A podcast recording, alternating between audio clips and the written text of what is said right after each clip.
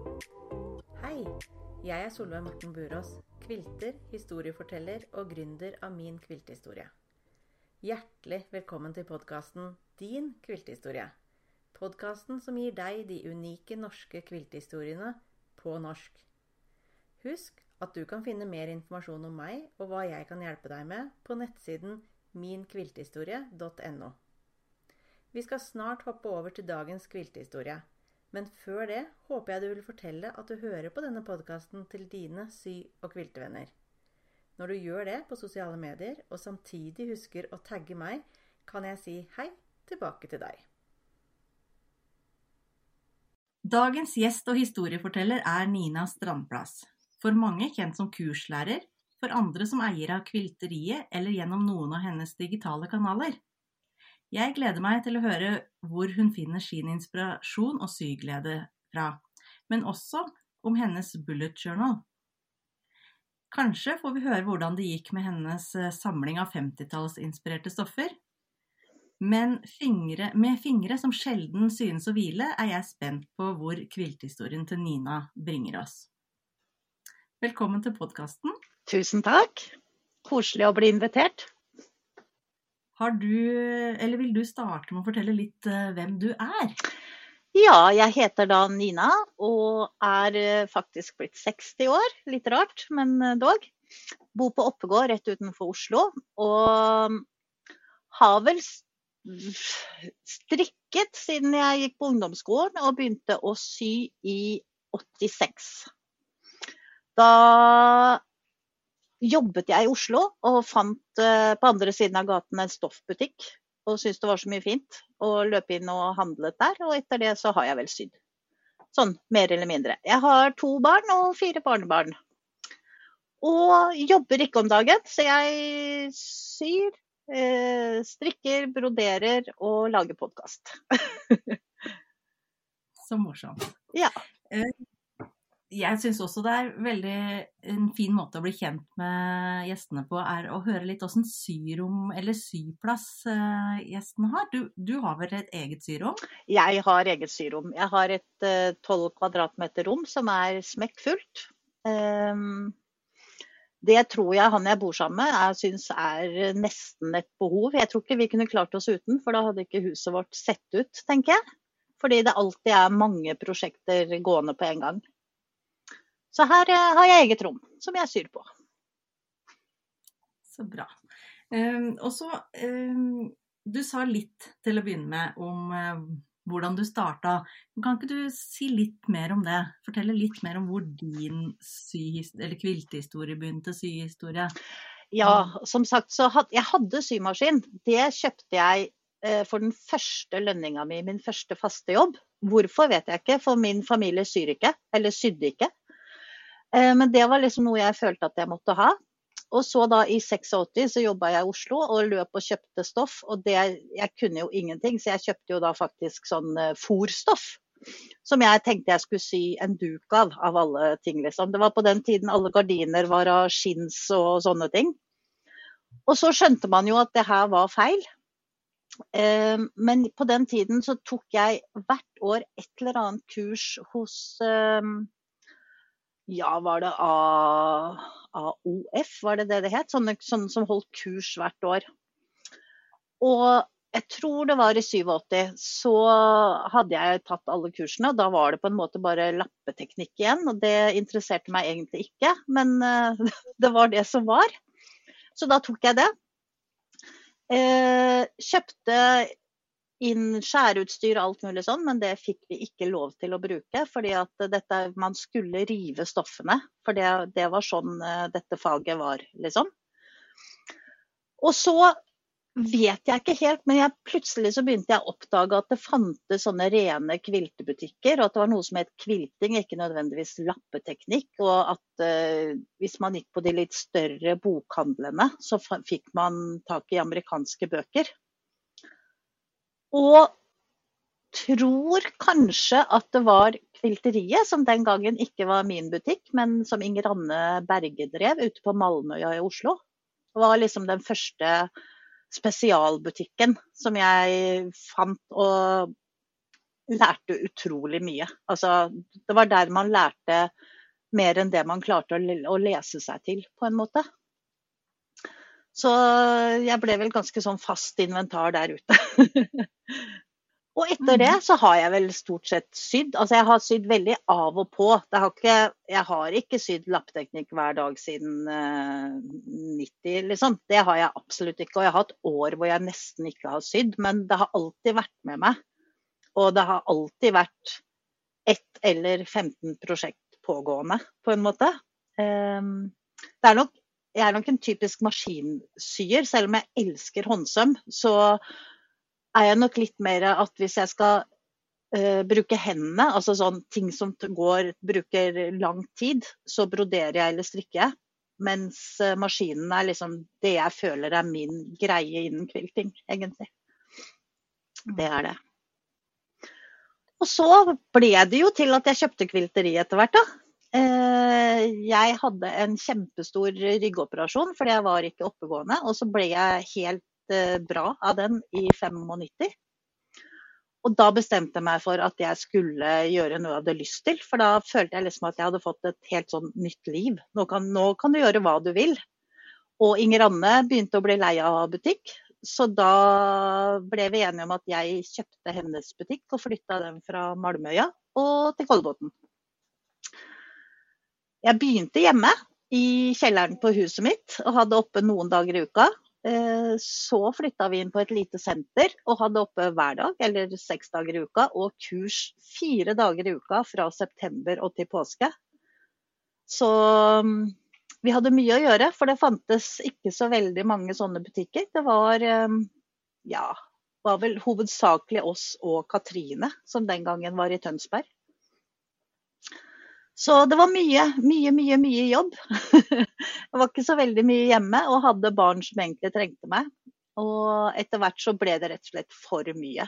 Så selv om jeg storkoste meg, så måtte jeg slutte. Fordi min sønn, som da var 14, tror jeg, han ringte meg på jobben en dag og sa du mamma, jeg har matteprøve om tre uker, har du tid til å hjelpe meg? Og da tenkte jeg åh, når barna mine må liksom booke tid for å få leksehjelp, da, da er dette faktisk feil for meg. Så um, da prøvde vi å gå ned til to dager i uken igjen, men det gikk ikke. Når man hadde vent kundene til å ha oppe hver dag, så gikk det ikke å, å gå ned på åpningstider igjen. Da, da, da ble det liksom ikke noe vits i, rett og slett. Så da slutta jeg i 2001 eller 2002, nå husker jeg ikke helt. Og etter det så har jeg bare holdt kurs. Det vil si jeg hadde vel nesten ti år uten at jeg holdt kurs før jeg satte i gang igjen. Faktisk. Men var det, var det fordi du var mett, eller fordi du måtte liksom lage pausa, eller? Ja, altså jeg måtte jo finne meg en annen jobb, da. Fordi jeg ble også liksom uh, alene, og dermed så bør du jo liksom ha en viss inntekt på en måte. Og da med to unger som du mer eller mindre hadde alene hele tiden, og full jobb, så var det ikke så veldig mye overskudd, eller mulighet rett og slett, til å reise og holde kurs. Så det hendte Jeg var liksom innom Kvilteforbundet holdt kurs på årsmøtene deres innimellom, men, og kanskje et kviltelag sånn i ny og ne. Men eh, jeg var ikke sånn som reiste land og strand rundt, for det, det kunne jeg rett og slett ikke. Så det, jeg holdt meg i Oslo-området og holdt kurs her. Det gjorde jeg. Før man liksom fikk barn som ikke bodde hjemme mer, og man kunne begynne å bevege seg lenger av gårde. Så det, det var gøy. Og da fikk jeg veldig mye sånn sylyst til, tilbake igjen også. Det gjorde jeg. Så de siste årene har jeg jo sydd mye, før jeg nå driver og trapper ned litt igjen. Altså ikke noe sånn stor greie på det. Det bare Det går jo litt sånn i bølgedaler, på en måte. Så jeg syr nok litt hver uke, men kanskje akkurat nå så syr jeg ikke hver dag. Det gjør jeg ikke. Nei. Men det når du har um, Altså når du har vært kursleder og lærer og holdt så mye kurs som du har holdt, Ja. er det Har du da lært bort det du sjøl har lært deg først, eller har du på en måte Hvordan, hvordan kom du inn i det å lære som en Nei, altså først så, når jeg hadde butikken, så måtte jeg på en måte Eller jeg måtte ikke, men da var det naturlig å holde en del av kursene selv. Vi holdt jo ikke alle. Vi leide jo inn kursholdere også. Eh, så har jeg nok alltid vært sånn som har likt å lære meg nye ting. Eh, så jeg har vel lært meg teknikker som jeg har lært videre. Jeg holder vel veldig sjelden eh, kurs på ett spesielt mønster. Jeg holder nok mer teknikkurser. Og da Noen ganger så er det med et mønster som de må ha kjøpt på forhånd fra andre designere. Eh, men det er gjerne ikke mitt valg. Da er det noe en eller annen kvilteklubb kommer og sier hvis vi kjøper mønster, kan du hjelpe oss å sy det? Eller så er det stort sett teknikkurs hvor jeg selv kanskje har lagd, eller ikke kanskje, men har lagd mønstre ut fra en teknikk jeg har lært meg, da. Det er det. Så jeg holder heller ikke spesielt mye sånne mm, linjalkurs og sånn. Altså sånn kjøp den linjalen og, og sy dette ene teppet. Jeg har gjort det òg, men det, det, er vel ikke helt meg. Det er mer teknikker som er, som er min greie, da. Forskjellige, forskjellige, måter å sy på, liksom. Mm. Så, så, sånn som nå om dagen, så er det papirsøm, og det er jo ikke en ny teknikk i det hele tatt. Men jeg lærer den nok bort på en litt ny måte. Eh, fordi Ja, hva skal jeg si? Altså, veldig ofte de som har sydd papirsøm f.eks., de, de vet problemet med at de syr på en lapp, og så skal de brette den ut, og så er den for liten. Fordi det er noen vinkler som går feil vei og litt sånne ting. Mens jeg har da funnet en måte um, hvor du vet det før du syr. Altså Du kan tilpasse lappen din eller bruke de små restelappene og vet på forhånd at det faktisk eh, passer når du bretter den ut igjen etter at den er sydd. Så det har vært veldig mye de siste par årene. Som jeg har vært på disse sommerfuglkursene, har jeg kalt det da. Fordi jeg, eh, man må ikke sy sommerfuglen, men man kan hvis man vil. Og så har jeg da en avtale med hun som har lagd sommerfuglmønstre, som kaller seg Lilliella. Så jeg rapporterer inn til henne hvor mange jeg har hatt på kurs, og så betaler jeg henne for mønsteret. Men mønsteret ligger i kursprisen opprinnelig, da. Enten du syr den eller ei, så får du mønsteret så betaler jeg henne. Melder jeg inn at nå har jeg hatt 15 på kurs, og så sender hun meg regning. Så Det er veldig og det der syns jeg er kjempeviktig og veldig bra at uh, du gjør. For du sa først da sa du at uh, hvis du skal holde kurs i en teknikk som noen, en designer har liksom lagd en teknikk eller utvikla en teknikk, at uh, kursdeltakerne må kjøpe, kur, mm. kjøpe på forhånd. Ja. Eller sånn som du har gjort, at du har lagd avtale med med designeren. For det, det, er viktig at vi gir tilbake til dem som er, har den kreativiteten og skaper og lager disse designene for oss. Absolutt. Og jeg er veldig nøye på det der med copyright og sånne ting. Jeg, det er sånn at når jeg har lært meg en teknikk og kanskje har lagd eget mønster da, i den teknikken, så er jeg livredd for at det skal være for likt noe annet. da. Eh, så jeg, jeg, undersøker mye. Jeg kan, Foreløpig har jeg ikke fått noen meldinger på det, men det kan selvfølgelig være at jeg har tråkka feil, at noe har vært for likt. Men, men eh, jeg, jeg, legger veldig mye tid på å eh, sikre meg på at ikke det skal være, ikke skal bli tatt som kopier. da. Det, mm. det syns jeg er superviktig. For jeg vet Jeg har jo lagd en del mønster selv. Jeg selger jo ikke mønster, jeg bruker dem bare i mine kurs, liksom. Og jeg vet jo hvor lang tid det tar å lage et mønster og prøve det ut og prøvesy og sy ti modeller som man skal se varianter og altså, Det er ikke noe man bare setter seg ned og tegner og så er det ferdig. Det, det er veldig mye jobb. Veldig mye jobb, og vi vil jo veldig gjerne at de som lager gode mønstre, eh, skal ha muligheten til å lage flere eller mer ja. til oss. Sånn at det å tenke, eller gi tilbake da, en verdi til dem som eh, rett og slett lager den designen, det, det, er, det, er, viktig. Og jeg tenker, vi er jo Vi bruker jo veldig mye penger på stoff. Så sånn sett så er jo mønstrene vi faktisk kjøper, noe av det rimeligste, kanskje, i ja, det syns jeg også. Jeg, altså, om det så koster 170 kroner for et mønster eh, Det er jo lov å bruke det mer enn én gang. Eh, du kan ta ut deler av mønsteret. Du trenger ikke å sy akkurat det samme. Du kan bruke enten en teknikk du lærte i det mønsteret og sy noe annet, eller bare bruke deler av det og sette sammen med noe annet. Så, så for meg er mønsteret vel verdt enhver krone. Altså, jeg, jeg, skjønner ikke disse her kopieringsfolkene, eller de som deler vilt og uhemmet. Det, Nei, der, eh, der er jeg streng, tror jeg. det, det, støtter jeg deg, deg veldig, for vi vil, vil, jo ha mer av det som vi liker. Og så er det jo noe med de mønstre som vi kanskje kun, kan bli flinkere til. Det å endre stil ved at stoffstilen uh, vår endres, eller vi har en annen smak enn originalmønsteret. Der tenker jeg vi kan utfordre oss sjøl i enda større grad, da. Absolutt. For det å, å bytte Altså hvis, hvis, det er noe du har sydd for si syv-åtte år siden, hvis du setter deg ned og syr det nå, eller i hvert fall hvis du går i butikken og, og kjøper nye stoffer nå, så vil du ikke Altså du vil nesten ikke se at det er samme mønster engang. Det, det er moter i stoffet òg. og vi forandrer oss.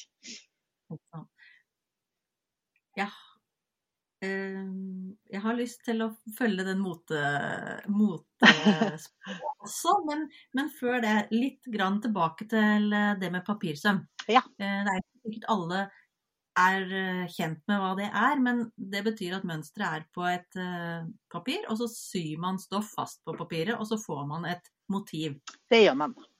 Og det er jo et det er eh, for meg, da, nå kan hende du tenker helt annerledes men for meg så er det et, eh, en teknikk som kan oppleves som komplisert eller vanskelig for når man ser det for første gang. Men samtidig så er det en teknikk som er veldig takknemlig. Fordi at hvis man syr på streken, så blir motivet veldig bra. Det gjør det. Det kan nesten ikke gå feil. Altså, du, du vil få spissene til å bli spisse. og eh, Hva skal jeg si? Altså, det, det, vil passe sammen til slutt. Det, det er jo fordelen med det. Eh, det som er litt sånn ugreit med papirsøm, er at man ser på en måte ikke helt hva man syr før man setter det sammen til slutt.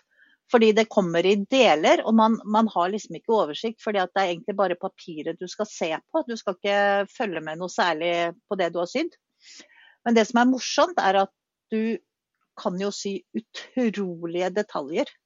Altså Når jeg reiser rundt, så har jeg med meg det, er liksom Hver gang så har jeg et, et, et sånn bilde som jeg um, har med meg av to små rever. Som alltid blir sånn gisping rundt i rommet. fordi at det ene øyet til den ene reven, det er vel kanskje to ganger én centimeter. Og der er det 21 stoffbiter. Og da vil du jo få en fantastisk dybde i det øyet. Altså, du, du, har ikke kjangs til å sy det på noen annen måte enn papirsøm. Eller vi kaller det papirsøm, da. Det, jeg, jeg, har Altså, jeg pleier å si at hvis man skal søke etter det, så heter det foundation piecing, ikke paper piecing. For da får man ofte opp liksom eh, søm over papp, eller engelsk papirsøm, da. Så, men jeg vet ikke om noen annen teknikk hvor du kan sy så detaljerte små ting og få frem så mye ja, egentlig dybde også, for den saks skyld, som papirsøm. Men jeg ville aldri sydd et log cabin på papir. Altså, det, det, det, er for meg mer jobb å ta av papiret enn det er hvis jeg skulle sydd uten. Men uh, de tingene som du trenger detaljene i, eller du gjerne altså Hvis du har problemer med å få spisser, altså stjernespissene spisse eller sånne ting, så er papirsøm helt perfekt. Det er, um, det er, så mye muligheter i det at det er uh, nesten litt merkelig at det går an. Mm.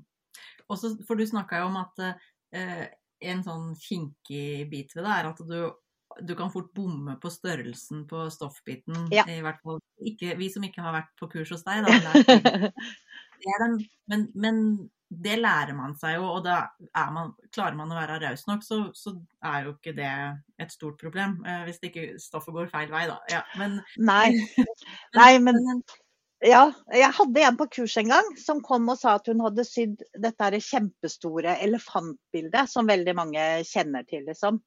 I, og kjøpt sånn stoffpakke og sånne ting. Og gikk jeg husker ikke om hun gikk tom eller nesten tom for stoff. Altså hun, hun, slet for å få det til. Fordi noen av bitene fikk hun ikke til å passe når hun sydde det. Sånn at hun til slutt tok kjempestore biter. Og da passa dem jo, men da klipte du jo høl midt i stoffet ditt. Mm. Eh, så kom hun på kurs, Eh, og etter en halvtime så sa hun vet du hva, nå er det greit, nå kan jeg gå hjem og sy et nytt. Og det gjorde hun, og hadde igjen en tredjedel av stoffpakka si etter å ha lært den måten å gjøre det på.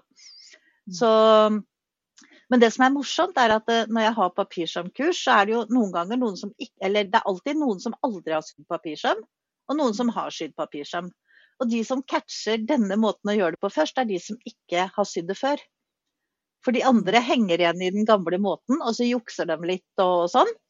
Mens de nye, de, de bare gjør det du ber dem om, ikke sant. Og så De, de skjønner ikke det problemet som de andre har hatt i mange år. De, de, de, vet jo ikke hvorfor det har vært et problem, for nå er det jo nå er det ikke noen problemer.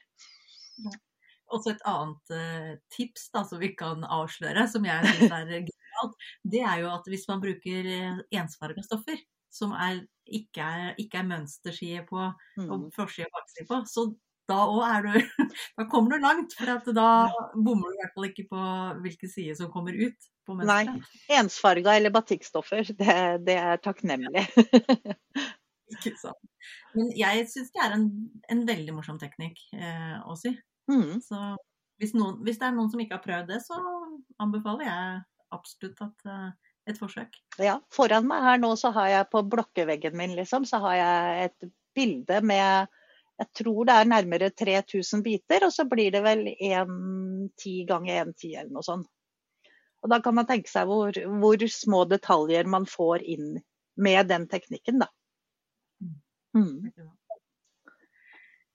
Um, jeg sa jo at jeg hadde lyst til å følge det motesporet litt, og det er egentlig litt tilbake til um, introduksjonen. For at uh, når jeg forberedte meg på å snakke med deg, så scrolla jeg litt um, noen av de digitale plattformene dine. Ja. Og da ser jeg bl.a. at du på et tidspunkt uh, hadde ei samling av 50-tallsinspirerte stoffer. Det har jeg. har du fortsatt? Jeg har dem fortsatt. Syns de er kjempefine. De er ikke så lette å bruke da, til alt mulig rart, på en måte. Uh, men det er jo Det er jo i og for seg bare én uh, leverandør jeg har av det, da, og det er Laurie Holt. Det fins jo andre. Og jeg har nok noen som for meg er 50-tallsinspirert, men som kanskje ikke nødvendigvis er lagd uh, for å være det. Det, det er ikke sikkert. Men jeg, hvis, jeg, føler liksom at hvis de passer inn i Laurie Holt-samlinga mi, så, så, er det greit, uten at det må liksom ha et stempel som det. da. Så det er litt sånn ja, det er veldig populært å kalle ting vintage, da, liksom. det er liksom sånn in-ord om dagen. Men jeg syns de er veldig fine, og de er veldig ofte veldig, veldig klare i fargen og klare i mønsteret. Um, jeg er jo litt fascinert av de som syr disse moderne, altså de virkelig sånn modern quilting, liksom. Men har skjønt at det er ikke meg. Altså jeg syns det er gøy å se på og gøy å kanskje prøve, men det er nok ikke det som passer meg best, liksom. Det er det ikke. Jeg er nok litt mer tradisjonell enn som så. Men hvis du skal si litt mer om hva, hvordan er det uttrykket, altså det modern quilt-uttrykket, hva er det du ville ha sagt at kjennetegner det? Eh, ja, altså for meg er det eh, veldig store biter stoff og veldig, veldig, veldig mye bakgrunn. Og så er det sykt mye kvilting på det, rett og slett. Altså det er en del, det er derfor du har mye bakgrunn, for å, for å kvilte det veldig mye. Mm. Og jeg vet ikke, det Jeg syns det kan være fint og sånn, men det, altså, det, appellerer ikke til meg å sy, da. Det gjør det ikke. Jeg har sydd et par stykker fordi jeg hadde et par år hvor jeg tenkte jeg skulle være med i noen sånne kviltekonkurranser. Jeg har aldri sendt inn noe. Det, det, kom aldri så langt. Fordi jeg følte at jeg kanskje ikke skjønte prinsippet helt. Jeg, jeg prøvde å lære meg sånn modern quilt eh, Holdt på å si reglene. Det er jo ikke regler i den forstand. Eh, og gjorde det jeg trodde var riktig. Og så tenkte jeg at det her er jo ikke meg. Jeg, jeg vet egentlig ikke hva jeg gjør. Og det, jeg kjenner at jeg jeg tror ikke jeg gidder å lære meg det heller, egentlig.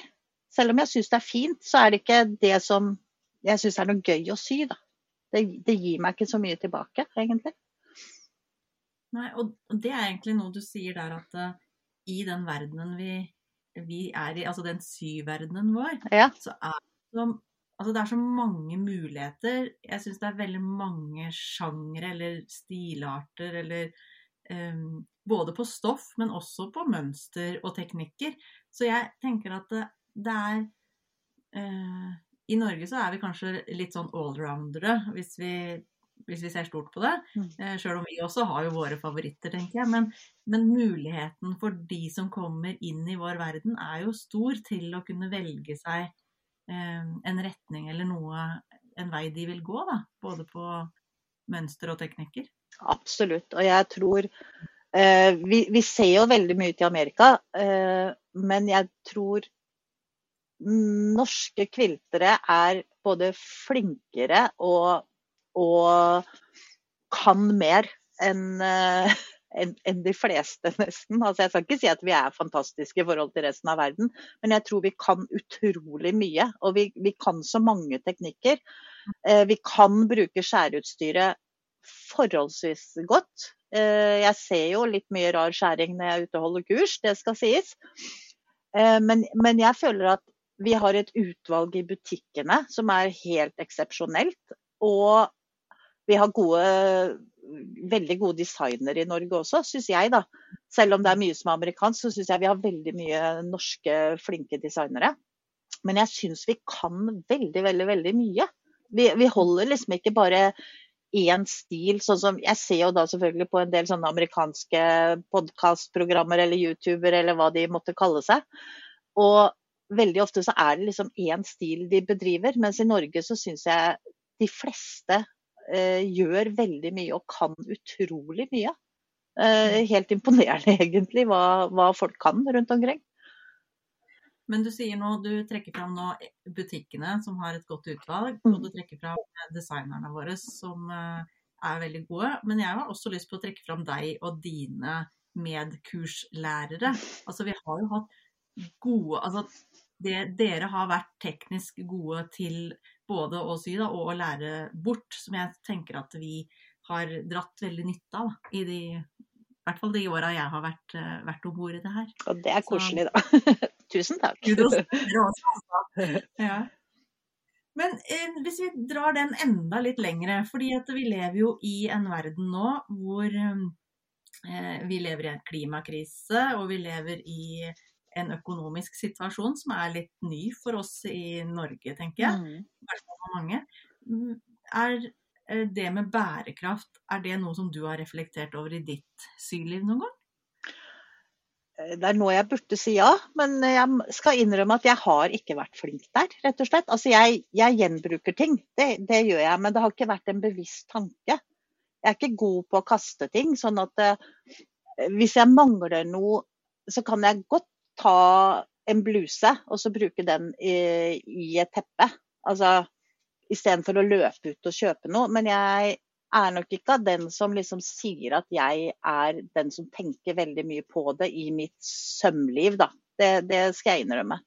Men eh, jeg har jo selvfølgelig lagd vesker av olabukser og alle de tingene der, men, men det har som sagt vært kanskje fordi at jeg syns det er tøft, ikke fordi jeg har hatt en sånn veldig miljøvennlig tanke bak, da. Jeg skal ikke, jeg skal ikke ta på meg den. Jeg syns det er spennende nå å se både utviklinga på oss som er i eh, Har fylt opp lageret vårt. ja. Om vi, om vi klarer å eh, bruke mer av det, altså andelen av stoff som vi har. Og, men også se eh, Det kommer jo nye til. Som kanskje kommer fra et litt annet eh, miljø. Det er jo veldig populært med redesign i klessømbransjen. Mm. Kanskje får vi flere av dem inn også til å kvilte lappteknikkverdenen og se kanskje de bringer noe annet inn, inn i miljøet vårt også. Ja. Nå er det jo ikke så lett å få nye inn, da, virker det som akkurat om dagen. Men jeg tenker Jeg hadde en sånn mission for noen eh, år siden. Hvor jeg dro på disse sylanene som disse yngre hadde, og hvor de sydde jerseyklær til barna sine. på en måte. Det var stort sett det de gjorde. Da var det liksom jeg, og så var det en haug med 20-åringer som meldte oss på dette greiene. Og så gikk jeg til Kvilteforbundet og spurte om å få en del av bladene deres. Helst de som det var toalettmapper eller sånne bruksting i. Eh, så dro jeg, hadde med meg masse blader. Eh, tilbød meg å holde sånn to timers kurs i toalettmappe eller sånn, selv om jeg egentlig bare var en deltaker, da.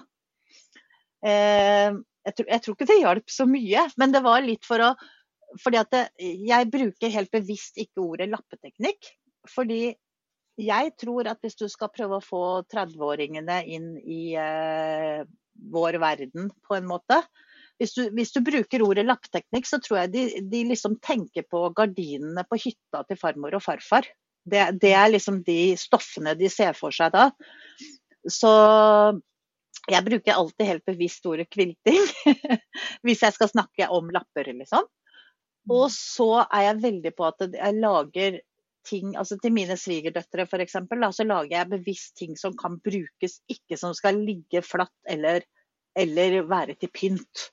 Altså Vi snakker sånn stellevesker eller toalettmapper eller eh, ja, Hun ene ønska seg sånne poser til å ha til bleier og alt mulig sånn i når de skal ut og reise. Og, altså sånn Helt bevisst bare sånne bruksting.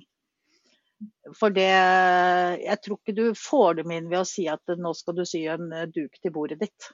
For det Nei, det vil de ikke ha om dagen. Altså, det er aldri alle da, selvfølgelig, men uh, sånn generelt. Nei, det Men det, det der følger jeg deg på. At uh, det er bruks, brukstinga, ikke, ikke pyntetinga. Ja. Det, det er jo minimalisme som er rår i gjørverdenen også, så absolutt. Ja. Mm. Du eh, har jo sydd mye, eh, og syr mye, og så sier du at det går litt i bølger. altså mm. litt men, men, når du syr, eller når du blir inspirert til å sy, hva er det som er dine inspirasjonskilder? Hvor er det du henter det ifra? Eh, jeg er nok ekstremt mye på nett eh, rundt omkring. Um, ja, veldig, veldig mye, faktisk. Eh, det er jeg. Eh, så er jeg blitt veldig Jeg er veldig mye hjemme siden jeg ikke jobber mer. Jeg har blitt syk, sånn at jeg holder meg mye i ro. Eh, og da blir det til at jeg syr ting som tar veldig lang tid, fordi jeg har et hus som er stappfullt av ting jeg har sydd. Mm. Sånn at jeg leter, leter etter ting som eh, Veggplass har jeg ikke, på en måte. Eh, så jeg leter etter ting Sånn som det bildet jeg syr nå, da, med 3000-4000 biter, liksom. Eh, det, det, skal jo få lov å henge på veggen et eller annet sted, sannsynligvis i et soverom eller et eller annet sånt nå, men da, jeg, da, bruker jeg veldig, veldig, veldig lang tid på allting. Eh, jeg har lyst til å sy ting jeg ikke har sydd før, og jeg har lyst til å sy ting med detaljer. Men så er det klart, eh, i høst så var jeg nesten en uke hos Lappelisa i Sverige. og Da sydde jeg et pledd med ganske store biter, så jeg, så jeg er ikke sånn helt eh, superfokusert på én ting. Men eh, jeg har ikke lyst til å sy ting som lenger blir putta i et skap eller på loftet, fordi jeg har nok av det. Så jeg tenker nå at eh, jeg skal ha en sånn I år så skal jeg sy tepper til tepper som varmer, for å bruke opp en god del av stoffene mine. Og de skal ikke være bare firkanter satt sammen fordi at man skal bli kvitt dem, liksom. Det skal være ordentlige tepper, men da, da vet jeg at de kommer i bruk og de gjør noe godt. De blir ikke bare lagt bort fordi jeg har lyst til å sy, liksom. Jeg, heller, jeg vil heller sy og gi bort, og jeg, jeg selger ikke, da. Det, fordi jeg syns ikke at vi får betalt nok for det vi gjør, og da vil jeg heller gi det bort gratis til noen som, som setter pris på det. Så det er min greie i år, da. Jeg skal bruke opp masse av stoffene mine. Og det er ordentlig stoff. Det er liksom ikke sånn gammel skit som ligger, liksom. Og skal sy tepper til tepper som varmer, er min, tror jeg, i 2023. Og da må du si litt mer om hva eh, det er. Ja. Nei. tepper som varmer, det blir gitt til veldig ofte unge syke på sykehus eller enkelte ganger på institusjoner som trenger den lille ekstra omsorgen ved at de får. De låner ikke bare mens de er på sykehus, de får et teppe. Og de kan veldig ofte velge, hvis det er flere der, som, eh, som folk syr, leverer inn til innsamlere rundt omkring i tror hele Norge. Nå hørte jeg de hadde fått to nye mottakere. Jeg tror det var Tromsø og Stavanger akkurat nå, hvis ikke jeg husker helt feil.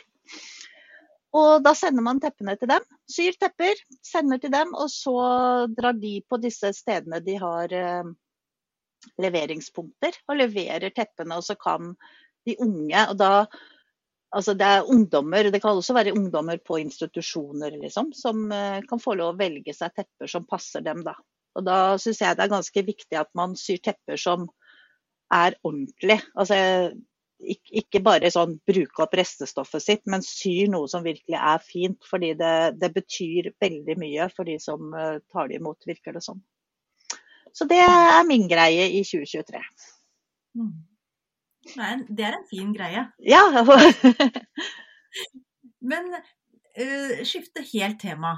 Oh, ja. ja. Uh, ja, eller helt tema, vi er jo innafor samme, samme sjangeren her. Men jeg sa i innledningen også at uh, du skriver bullet journal. Hmm. Stemmer det? Ja. det moderne ordet er jo det. Du kan jo forklare, du må forklare hva det er. Uh, ja, jeg Det er jo en dagbok, nesten. Um, men istedenfor å kjøpe en ferdig um, kalender Jeg liker å skrive, da. Uh, jeg har selvfølgelig kalender på mobil og alle mulige sånne greier, og jeg fører inn der også. Men jeg er veldig glad i å skrive det ned i en bok, og da lager jeg også min egen kalender inni der. Jeg kjøper liksom ikke en ferdigtrykt kalender. Jeg, jeg, jeg, tegner ikke, for jeg kan faktisk ikke tegne. Men jeg er ganske god på å rute opp og streke opp og sette på et klistremerke og sånn. Så jeg lager min egen kalender, og så skriver jeg ja, januar så har jeg kanskje skrevet inn fire dager. Ikke nødvendigvis for at de fire dagene har det skjedd noe så veldig mye spesielt, men da, de, de dagene har jeg hatt lyst til å skrive om hva jeg har gjort, eller hva jeg gjorde sist uke, eller hva det måtte være. Eller en tanke som slår meg, liksom. Jeg skriver også, jeg har egne sider for eh, inntrykk jeg har fått, eller ting som jeg liksom eh, har sett som jeg har lyst til å lage, enten det er en eller andre teknikken. Det betyr ikke at jeg kommer til å lage det, men da husker jeg det i hvert fall et eller annet sted. Da, da har jeg notert det. Eller eh, fine utsagn som jeg har hørt, som jeg kan bruke en hel side på bare å skrive ned eh, uten at det står noe mer på den siden i den boka. Det er bare en blank bok. Dvs. Si jeg har små, små prikker. Altså, det er sånn prikkesystem eh, istedenfor blanke ark, men det er ikke linjer, da. Og så ja, har jeg noen klistremerker som går inn, og kanskje jeg prøver å tegne, med det, det, kan, jeg, altså, det kan jeg virkelig ikke. Så det er ikke så mye av det. Men jeg er veldig glad i å skrive ned ting. Om det er eh, ja, det, er, det, er, stort sett små tanker eller ord eller ting som har hendt. da. Eller som jeg håper skal hende. Det kan jo også skje. Jeg har f.eks. skrevet at jeg i 2023 skal sy tepper til tepper som varmer. Um, og så lager jeg meg en liten Nå har jeg lagd frem til og med mai, tror jeg. Har liksom lagd min egen kalender på det. Eller jeg har lagd en som går over hele året, hvor du skriver inn bitte små ting. Og så har jeg liksom en dobbeltside per per måned. Og da har jeg lagd frem til mai. Og da liksom, minner jeg meg selv på i april da, at uh, har du huska at du skulle sy tepper? Ja. Så jeg er altså jeg skulle ønske jeg kunne tegne, for når jeg ser på sånne YouTube-videoer på de som virkelig er gode på det her, men jeg syns egentlig jeg får det ganske greit til da, med svarte, tynne tusj og linjal. det er stort sett det jeg bruker. Det, det blir greit. Det gjør det. Jeg, jeg, liker det. Og da husker jeg ting mye bedre hvis jeg skriver det selv. Det Men blir det da eh, du, Legger du inn det du syr?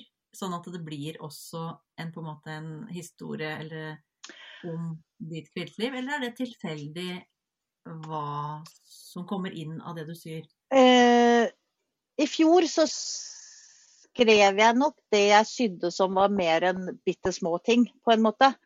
Um, men jeg førte nok ikke en side, altså en sånn, sånn ordentlig journal. Det gjorde jeg ikke. Uh, jeg gjorde det for to år siden, kanskje. Men så er jeg også veldig sånn at hvis det er et uh, prosjekt som ikke kommer inn, så slutter jeg. Altså, jeg må, ha, jeg må gjøre det ordentlig. Eller ikke, på en måte. Så i år så, så tenker jeg liksom at, uh, at jeg skal prøve å gjøre det på de tingene jeg liksom Sånn som jeg sydde en bitte liten eh, rund brikke til, til bordet mitt på kjøkkenet. Det gidder jeg ikke å skrive noe om, på en måte. For det var like mye en kursmodell som noe jeg skulle bruke. Mens de teppene jeg liksom håper å sy og sende av gårde, og det bildet på veggen, de tenker jeg kanskje skal få en halv side eller en side eller et eller annet. Um, jeg skal ikke si at jeg er så veldig god på det greiene der, men jeg er jo veldig god på det når det gjelder strikninga mi. Men det er fordi at der fins det liksom en side eh, hvor, man, hvor, det er lagt opp til at man skal gjøre det. Hvor man kan samle alt og om det er liksom garnet eller mønsteret eller størrelsen eller hva det måtte være. Det, det, ligger liksom der. Det er liksom bare å føre inn eh, punkt for punkt. Um, og siden jeg egentlig, selv om jeg liker da bullet journaling, så, så er jeg ganske digital av meg også. Sånn at uh, jeg er flink til det på strikkinga. Da burde jeg jo Jeg burde være litt flinkere, i hvert fall på syinga mi. Og på broderi så har jeg kjøpt meg en egen sånn bok hvor jeg har prosjektsider per broderi. Som liksom er ferdig til det. Så jeg skriver nok en del, men tenker liksom at jeg skulle kanskje skrevet enda litt til, siden jeg faktisk da liker å skrive, da. Så, så har det kan vært litt flinkere, men eh, er ikke så verst, tror jeg.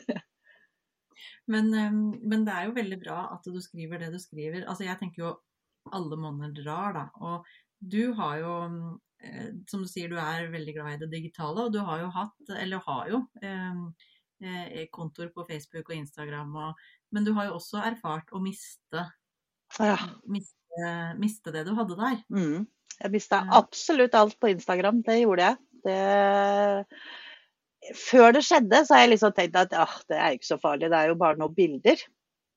Eh, men jeg mista jo masse, altså masse, bilder og masse ting jeg hadde skrevet om prosjekter. Jeg mista veldig mye kontakter, altså mennesker som eh, jeg hadde kontakt med.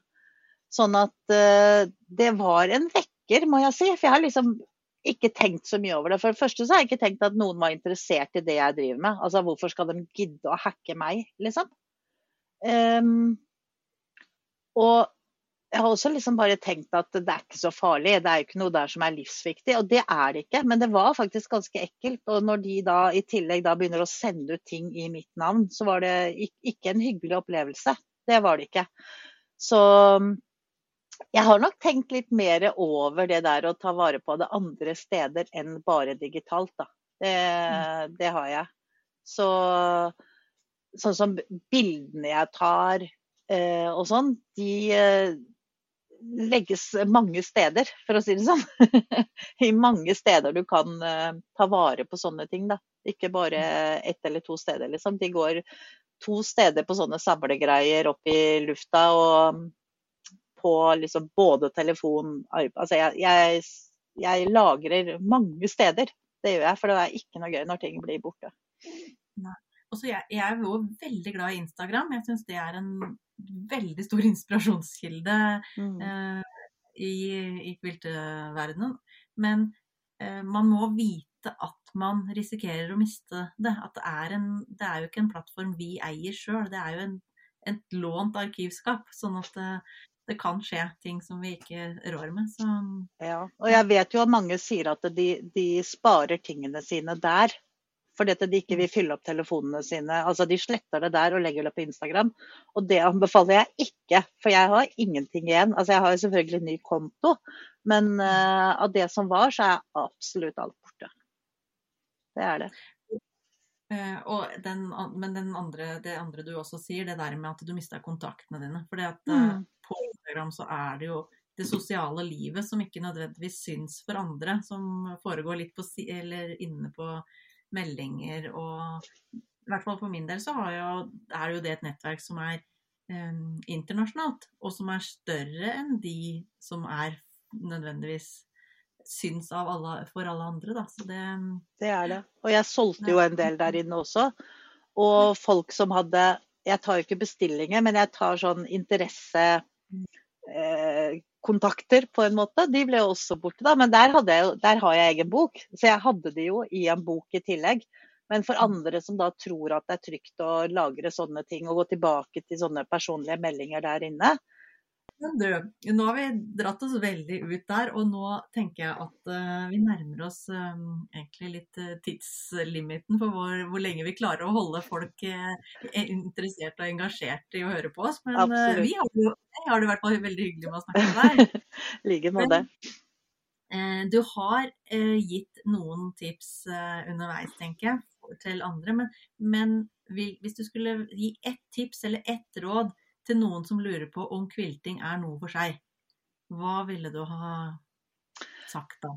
Hvis du bor sånn at du har mulighet til å oppsøke en lokal kviltebutikk, så hadde jeg gått dit. Der jobber det folk som er utrolig flinke og engasjert. Og de er også, nå kjenner jeg selvfølgelig ikke absolutt alle butikker, men stort sett så er altså de er interessert i å hjelpe deg til å finne det som passer deg å starte med uten at du nødvendigvis må kjøpe halve butikken for å komme i gang. Så hvis du har mulighet, oppsøk en, en kviltebutikk eller en sybutikk som, har, som, også driver med kvilting. Du vil bli uh, slått over ende av hvor mye hjelp og hvor mye inspirasjon du kan få. Absolutt. Takk, Takk for det rådet. Så, uh, men hvis noen har lyst til å høre og se mer av deg, ehm, så er jo det flere muligheter. For du er jo YouTuber også. Eller, ja! si litt eh, hvilke plasser man kan eh, få mer av deg. Ja. Eh, da må jeg si at nå om dagen så er det faktisk på YouTube hvor jeg er mest eh, eh, Hva skal jeg si up to date-aktiv, for å si det sånn. Så hvis man går på YouTube og søker på 'Den glade tråd', så er jeg der. Ehm, jeg er der sånn hver, ca. hver tredje uke. Jeg, jeg, jeg, lager ikke et sånt tids... Altså, jeg har ikke en dato hvor jeg utgir episoder. Det kommer jo an på hva jeg har gjort. Jeg gidder ikke å ha en episode hvis jeg ikke har noe å vise. Så, og da er det sånn at jeg liksom alltid først starter med strikking. Og så har jeg en sånn midt imellom, og så kommer det broderi og søm til slutt. Sånn at hvis man ikke vil se på strikking, så bare spoler man seg frem til sømmen. Og de som strikker, de hopper av når det kommer til søm, hvis ikke det interesserer dem. Jeg heter da nå, etter å ha en ny konto på Instagram, så heter jeg Den glade tråd der også. Og jeg skal ja, si at jeg har kvilteriet på Facebook, men jeg er veldig lite på Facebook. Jeg er ikke så glad i det forumet lenger. Jeg syns det er for mye krangling og masing innpå der. Jeg syns, jeg syns da på den type ting så er Instagram mer inspirasjon for meg enn det Facebook og grupper der inne er. Men dere er hjertelig velkommen til, eh, på YouTube, da. så har jeg litt søm der innimellom. Men eh, siden jeg nå veldig ofte driver med sånne ting som tar veldig lang tid, så er det klart at jeg har ikke store tepper å vise hver 14. dag, liksom. Det har jeg ikke. Men da sier jeg gjerne ifra på forhånd hvis det ikke er søm. Mm. Så kan man eh, vente til neste episode. For da mm. er det søm. Og hvis man syns det er trivelig å ha stemmen din i bakgrunnen på syrommet når man syr, sjøl om du snakker om strikking, så vil jeg virkelig anbefale eh, å høre på den podkasten din, altså. For det er trivelig. Ja, men ja. det er hyggelig. Takk skal du ha. jeg kommer til å legge ut i mm, teksten til podkasten eh, lenker til eh, eh, altså YouTube-kanalen og mm, Instagram også. Jeg legger sikkert på Facebook også. Ja. Og så lager, lager, vi et lite eh, en, jeg lager en liten blogginnlegg som ligger på nettsida vår, som dere kan Eh, lese litt mer om dagens episode, og forhåpentligvis se noen bilder som jeg har fått uh, låne av Nina. Um, så, men tusen takk for at uh, du ville være gjest, Nina. Det var veldig hyggelig. Takk for at jeg ble invitert. Nå har du hørt dagens episode. Jeg håper du likte den, og at du lot deg inspirere. Send meg gjerne en melding dersom du har en drømmegjest jeg bør ha med i podkasten. Om du likte denne episoden og vil høre flere kviltehistorier, er det lurt å følge meg der du hører på podkaster. Da vil du få beskjed når det kommer en ny episode. Husk at du kan finne mer informasjon om meg og hva jeg kan hjelpe deg med, på nettsiden minkviltehistorie.no. På nettsiden finner du også informasjon og lenker fra denne og tidligere episoder av podkasten. Følg meg gjerne på Facebook. Der finner du meg under Min kviltehistorie. Eller på Instagram, der du finner meg under My Quilt Journal. Ønsker deg en fin dag videre. Vi snakkes!